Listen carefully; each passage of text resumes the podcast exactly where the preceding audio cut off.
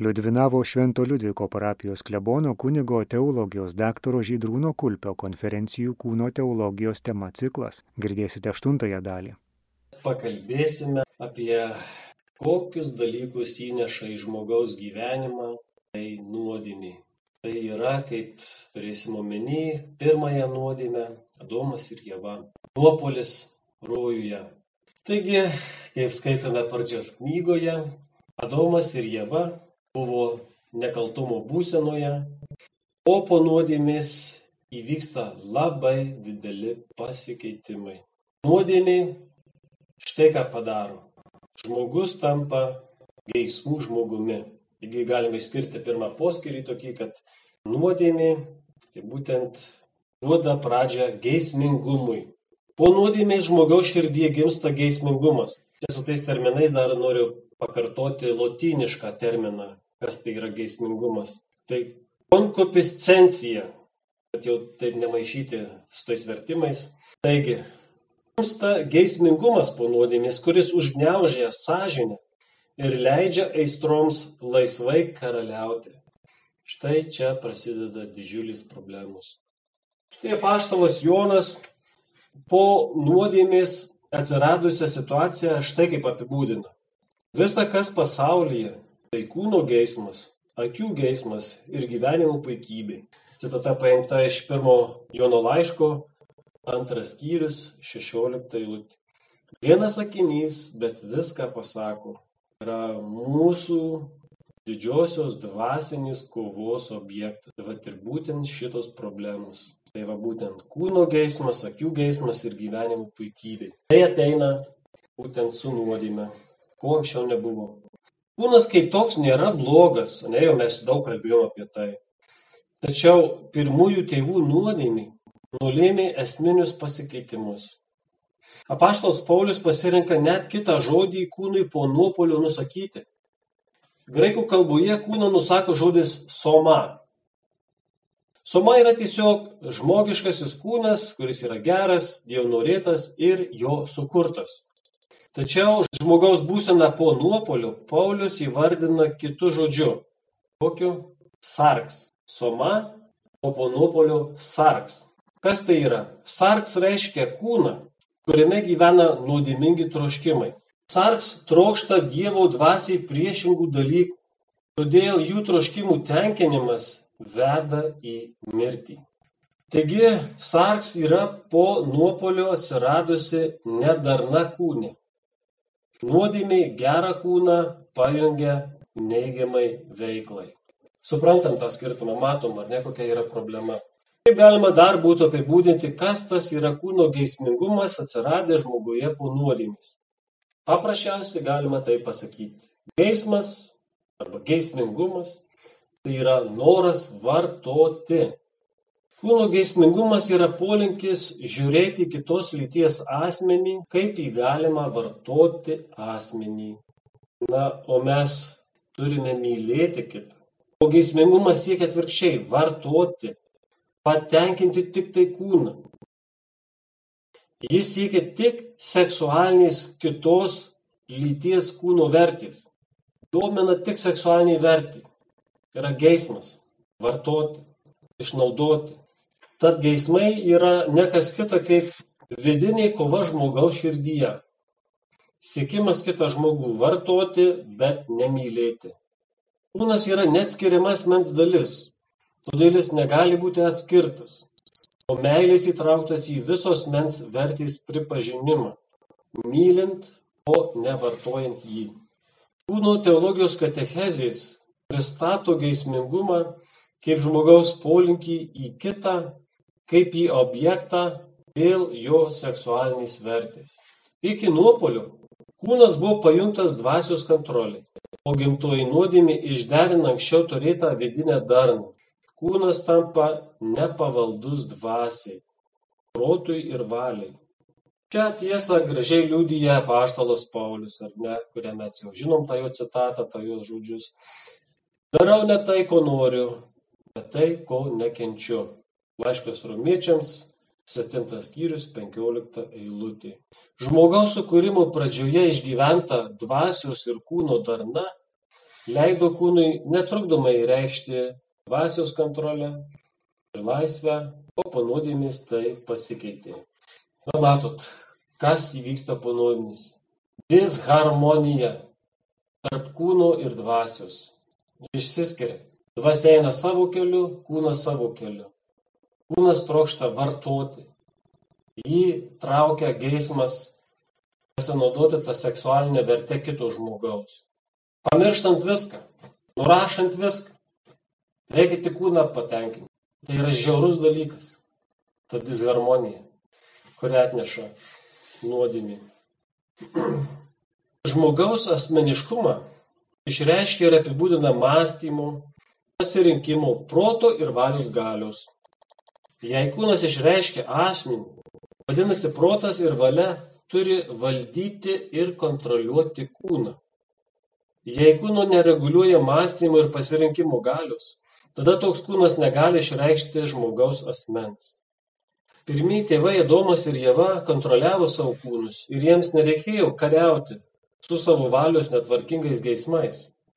Dėl savo palaimingos būsenos jie pasiekė darnę pirmapradę tarpusavio vienybę, nes jiems nereikėjo kovoti su netvarkingu kūno geismu. Savimonė, laisvė, tiesa buvo išreikštos jų kūnuose. Adomas ir Jėva jautė fizinį malonumą ir emocinį džiaugsmą vienas kitu. Ir tai dėl to, kad jų meilės kūniška išraiška priklausė nuo proto ir valios. Šventasis Augustinas pabrėžė, kad protas turi viešpatauti ir įsakinėti visiems sielos judesiams, nes tik protui vadovaujant žmogus yra geriausiai sutvarkytas. Po pirmųjų tėvų nuopolio turime kovoti su savo kūno netinkamais polinkiais. Turime dėti pastangas, kad kūno geismus kontroliuotų protas. Tai nuolatinė kova, kurią galime laimėti tik padedant Kristaus maloniai. Kūnas nori eiti savo keliu, o mes kaip asmenys turim pasakyti taip. Protas ir valia turi vadovauti kūnui. Ne kūnas nešti viską, nežinai kuria kryptimi, bet šventosios dvasios apšviesas protas turi pasakyti, tas tinka, tas netinka. Tai yra kova, bjauri kova mūsų viduje. Adomo ir Jėvos nuodėmės pradžia, kaip nurodo Jonas Paulius II, yra tai, kad jie savo širdyje pradėjo abejoti Dievo dovaną. Gundytojas pasėja abejonę ir pirmųjų tėvų širdyje tai palieka pėtsakus. Jie pradeda abejoti dovaną ir meilę, kuri įkvėpė Dievą padovanoti žmonėms pasaulį. Pirmųjų tėvų nuodėmė parodo pirminį sandorų su Dievu per kūrinyje sulaužymą ir atmetimą. Jie pradeda abejoti ir savo panašumu į Dievą, kuris atsispindi per vyrų ir moters dvilypumą. Nuo tada žmogus vertina save labiau kaip vieną iš gyvūnų, o ne kaip išskirtinį kūrinį, panašų į patį Dievą.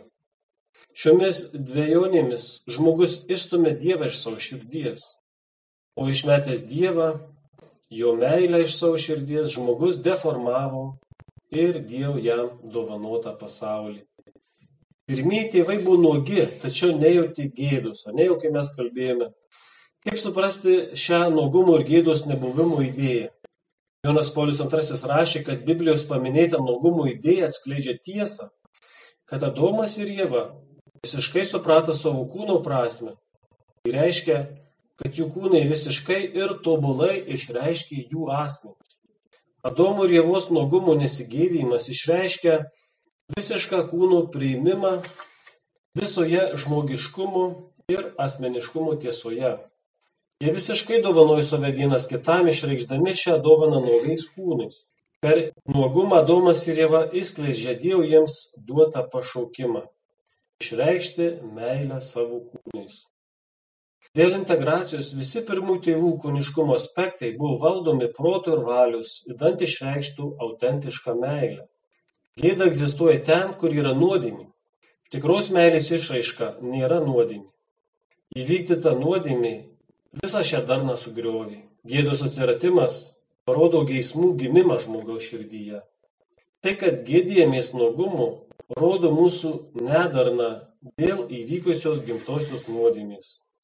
Dabar po nuopolio žmogus gėdydamasi saugo savo kūno giliausią tiesą - būti laisva dovana ir pasipriešinti bandymams sumenkinti savo asmenį vien tik iki objekto.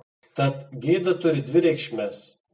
Ji išreiškia pavojų žmogaus vertei ir drauge vidinė prasme saugo šią vertę.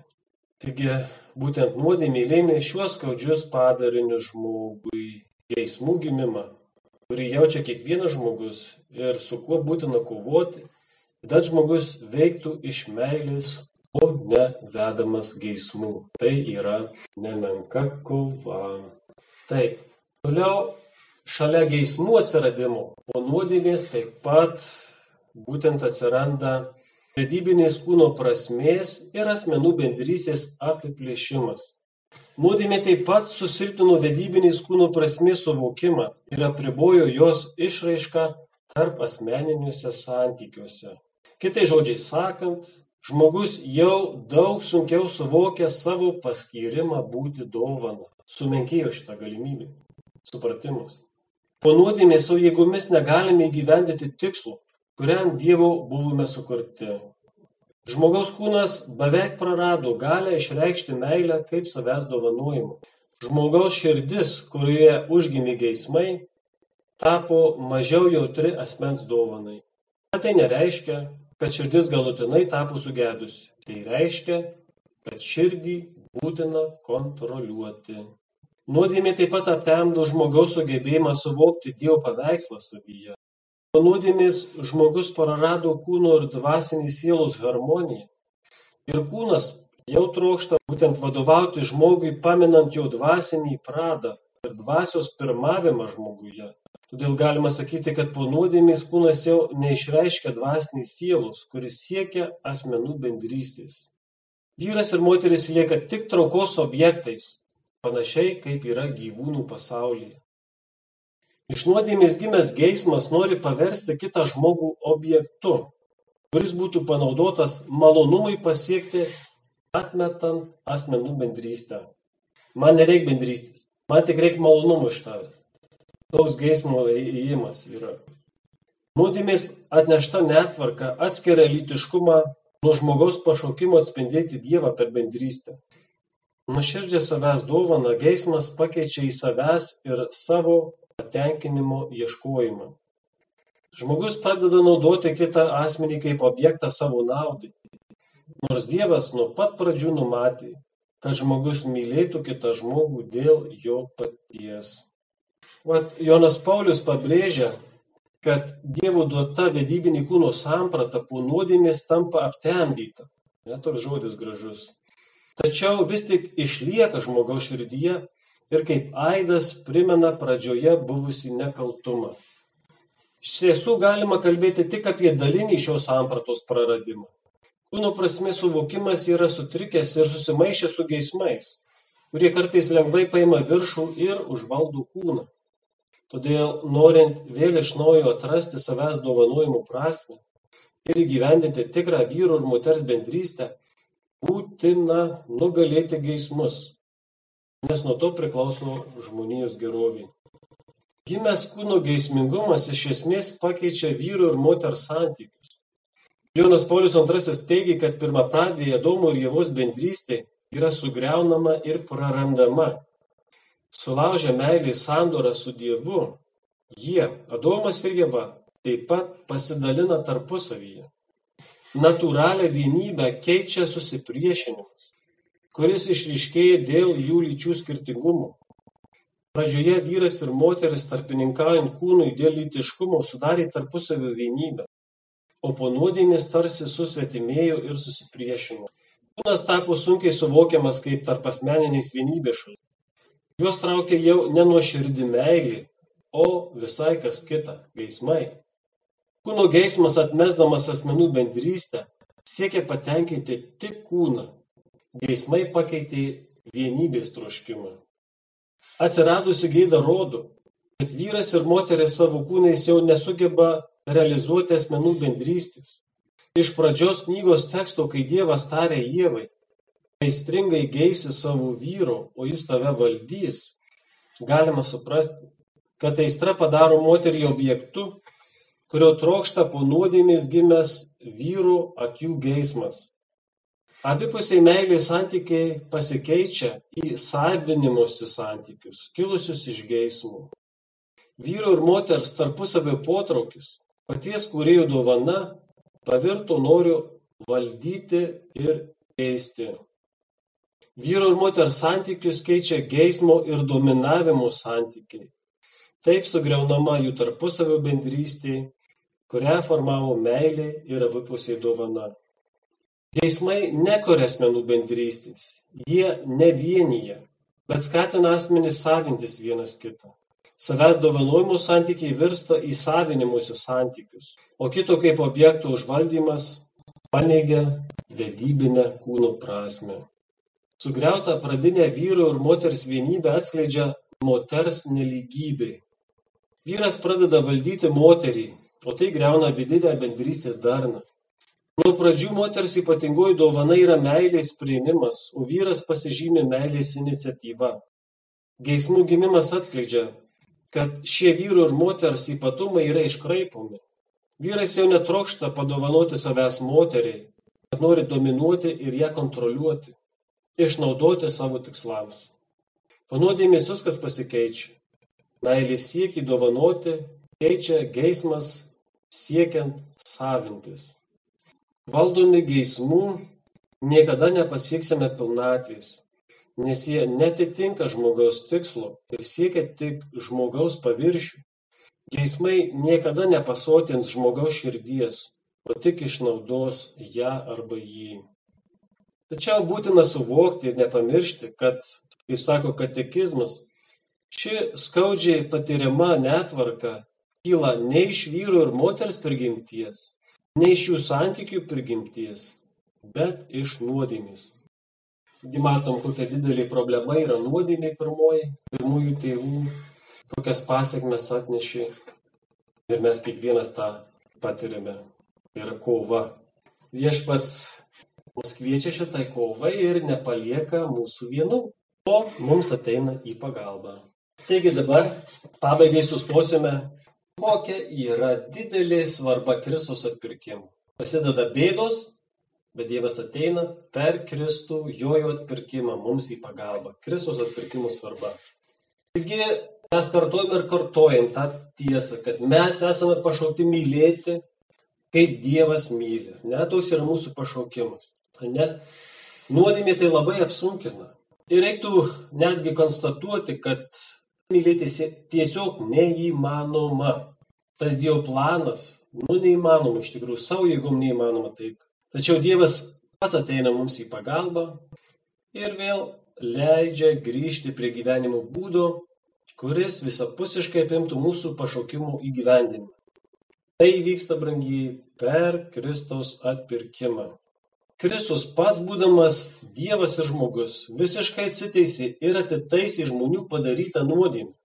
Jo mirtis ant kryžiaus įvykdė žmonijos atpirkimą ir atsilygino Dievui už visos žmonijos padarytą skriaudą. Štai mūsų išeities taškas, mūsų gelbėtojas. Kristaus mokymas apie santoką ir visavertę meilę siekė žmonių sukūrimo pradžią. Jis nurodė, Koks buvo Dievo planas žmonijos istorijos pradžioje? Net jisai kalbėjo su fariziejais, kaip Dievas numatė, būtent tą neišardomą santokinę bendrystę. Ir Kristus duoda aiškiai suprasti, kad tai, kas buvo iki pirmosios nuodėmės, jo žodžiais tariant pradžioje, įmanoma ir dabar. Jis ir kvietė žmonės pakeisti mąstymą, savo kietas širdis, kad vėl gyventų kaip pradžioje ištikimos ir amžinos meilės vienybėje. Jis ne tik kvietė žmonės išgyventi nuo pradžios Dievo numatytą pašaukimą, bet ir leido tai padaryti. Savo mirtime ant kryžiaus Jėzus teikia malonę, kuri mums teikia galimybę gyventi atnaujintą gyvenimą. Štai Jonas Paulius II moko, kad Kristos atpirkimas nukelia mus prie žmonijos sukūrimo pradžios Atpirkimas yra jungtis tarp dabartinės žmonijos situacijos pažymėtos nuodėmingumu ir pradinio žmonijos nekaltumu. Per Kristų ir Kristuje. Tai, kas buvo prarasta, vėl gali būti atgauta. Kristos atpirkimą reikia vertinti kaip kvietimą žmonėms vėl iš naujo atrasti vedybinę kūno prasme. Neužtenka tik smerkti širdį, kuri palinkusi į blogį. Širdis vėl gali pradėti visavertiškai mylėti. Tam ir kviečia Kristos atpirkimas. Ir tai nėra tik žodinis kvietimas, bet veiksmingas kvietimas. Padedant šventosios dvasios maloniai, mes tikrai vėl galime mylėti, kaip myli Dievas. Taigi Jėzus mus kviečia atrasti ir įvykdyti šią vedybinę kūno prasme.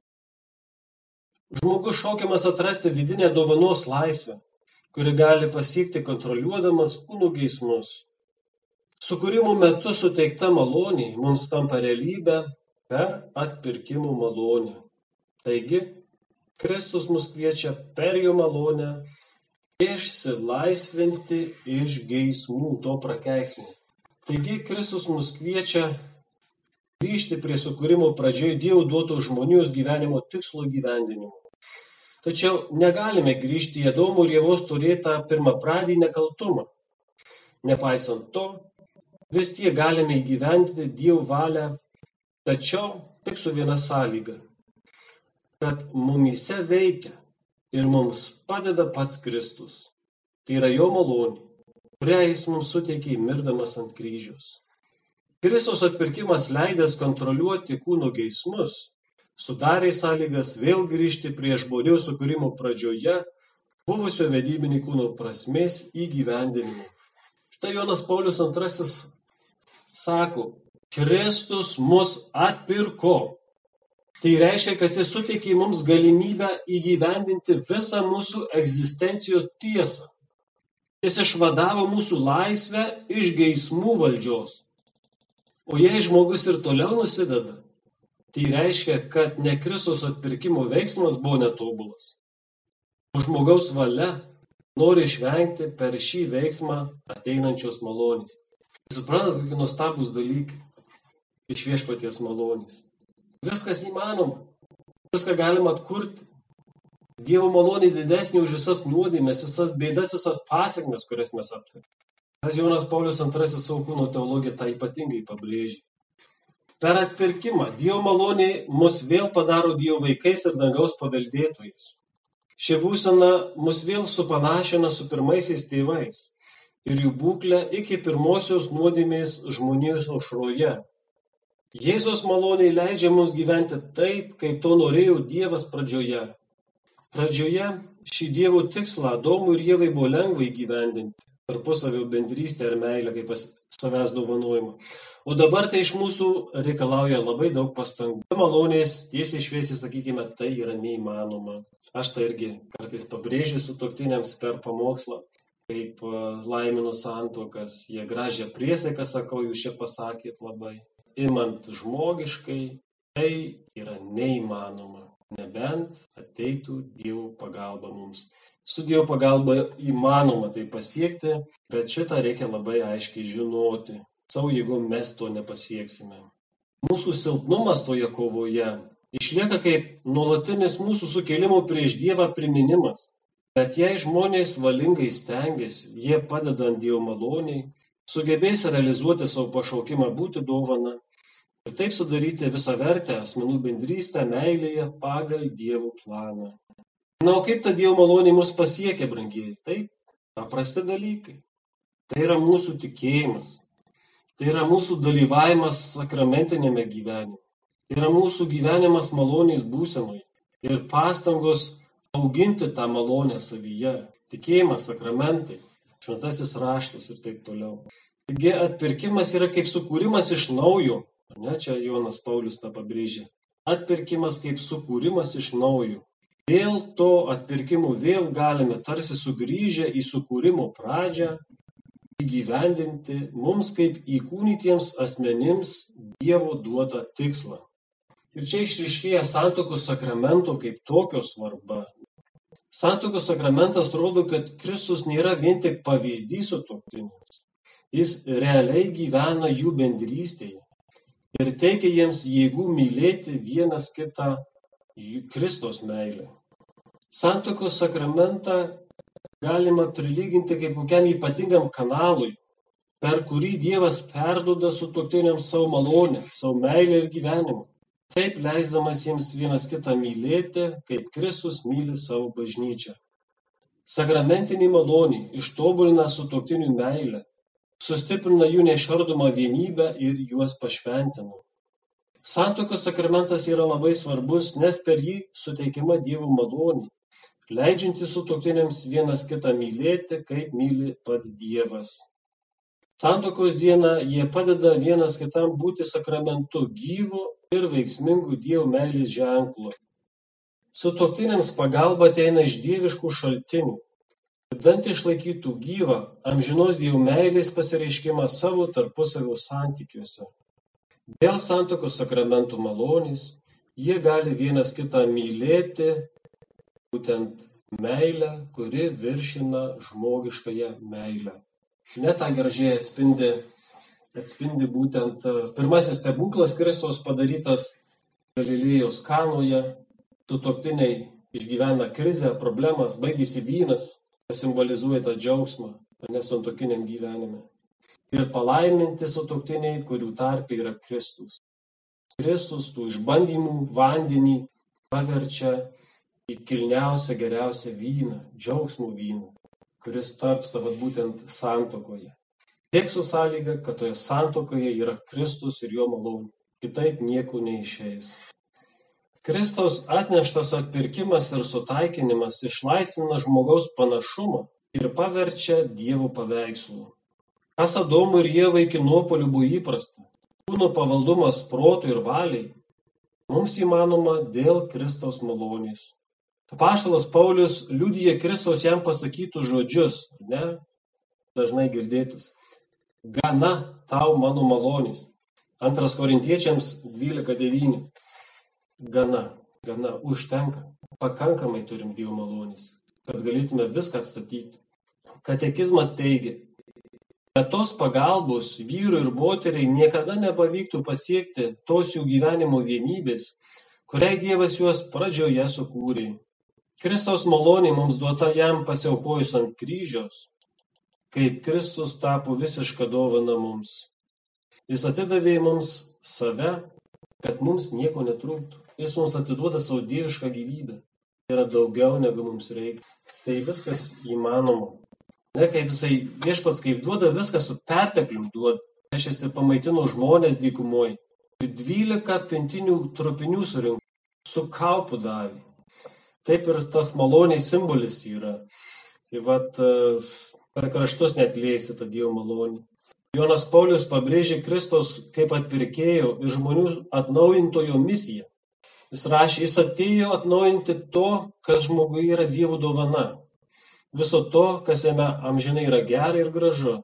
Ir kas sudaro gražios meilės pagrindą. Popiežius mums patikino, kad visa vertė meilė nėra utopija. Ji yra duota žmogui kaip užduotis, kurią žmogus gali atlikti padedant Dievo maloniai. Meilė dan būtų tikrai ir graži, turi būti Dievo dovanota.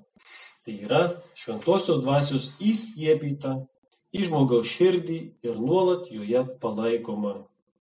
Norint, kad meilė taptų graži, o tai reiškia, kad ji būtų asmens dovana asmeniui, ji turi kilti iš Dievo, kuris pats yra dovana ir kiekvienos dovanos šaltinis.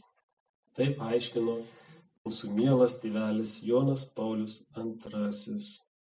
Taigi, brangieji, matome šitos dalykus, trumpai paminėjome, kokia yra svarbi Kristaus atnešto atpirkimo pagalba mums toje meilės integracijoje. Viską galim atstatyti, atpirkimas mus nukelia į pradžią, kai viešpats numatė mums tą asmenų bendrystę, tą tikrą meilę, su jo pagalba viskas įmanoma. Jeigu mes tą gerai suprantame, jeigu mes dedame žingsnius, kas reikalinga toje asmenų bendrystėje, toje meilėje, viskas susitvarko, viską ištaisyti galima, viską pakylėti galima, pašventinti viską galima, su sąlyga, kad veikia mumise Kristaus malonė kuri mums taip pasiekiama, aišku, dabar biskį apsunkinta. Dievas duos, sako, viskupai rytoj renkasi į posėdį, gal jau gausim gerų naujienų, gal jau jie, jie patvirtins, kad Kristaus žodžiai tai darykite mano atminimui ir negalioja, net ir medicinių diktato laikotarpiu, kad tai yra labai svarbu mūsų dvasę maitinti. Klausimas, ar galima teikti, kad santoka yra garantija, kad joje vienas kito nevartos? Taip, taip ir norima sakyti, kad ta santuoka, jeigu yra e, nuoširdžiai prisiektas vienumas ir neišardomumas, tai yra kaip garantas, kad tai yra meilė, nevartojimas, bet čia priklauso nuo žmogaus širdies. Ir kas toje žmogaus širdyje iš tikrųjų yra, tai e, sutoktiniai turėtų įsiaiškinti iki santokos, jau kiek įmanoma, aišku, negali žmogaus ten labai, bet tam ir yra bendravimas, draugavimas, dialogavimas, kad įsiaiškinti, kad turime tikrą ir vienodą nusistatymą. Žinot, kad žmogus tikrai nesiekia vartojimo, pilnai įdeda visą širdį į santoką, va, tai irgi reikia išsiaiškinti tarpusavyje, bet tos objektyviai man tai taip, reikia būtinai santokos tos. Bet tam tikra laiko riba yra mirtis, ar ne? Juk Jėzus sakė, kad dangaus karalystėje bus kažkaip kitaip, tai tas amžinai realiai galioja tik dabar mūsų pažįstamuose laiko rėmuose. Ar ne taip teisingai, mes visi esame riboti, bet norime pasakyti tai, kad e, šioje egzistencijoje, šitam pasaulyje, kol mūsų širdis plaka, mes tiek ir save nerezervuoti atiduodame iki paskutinių atodūsio paskutinių plakimų. O, o amžinai tai, tai reiškia jau yra virš mūsų iš viešpatės malonys eina, bet kol egzistuojam, tol ir mes kartu. Girdėjote aštuntąją dalį iš konferencijų kūno teologijos tema ciklo. Kalbėjo Liudvinavo Švento Liudviko parapijos klebonas kunigas teologijos daktaras Žydrūnas Kulpys.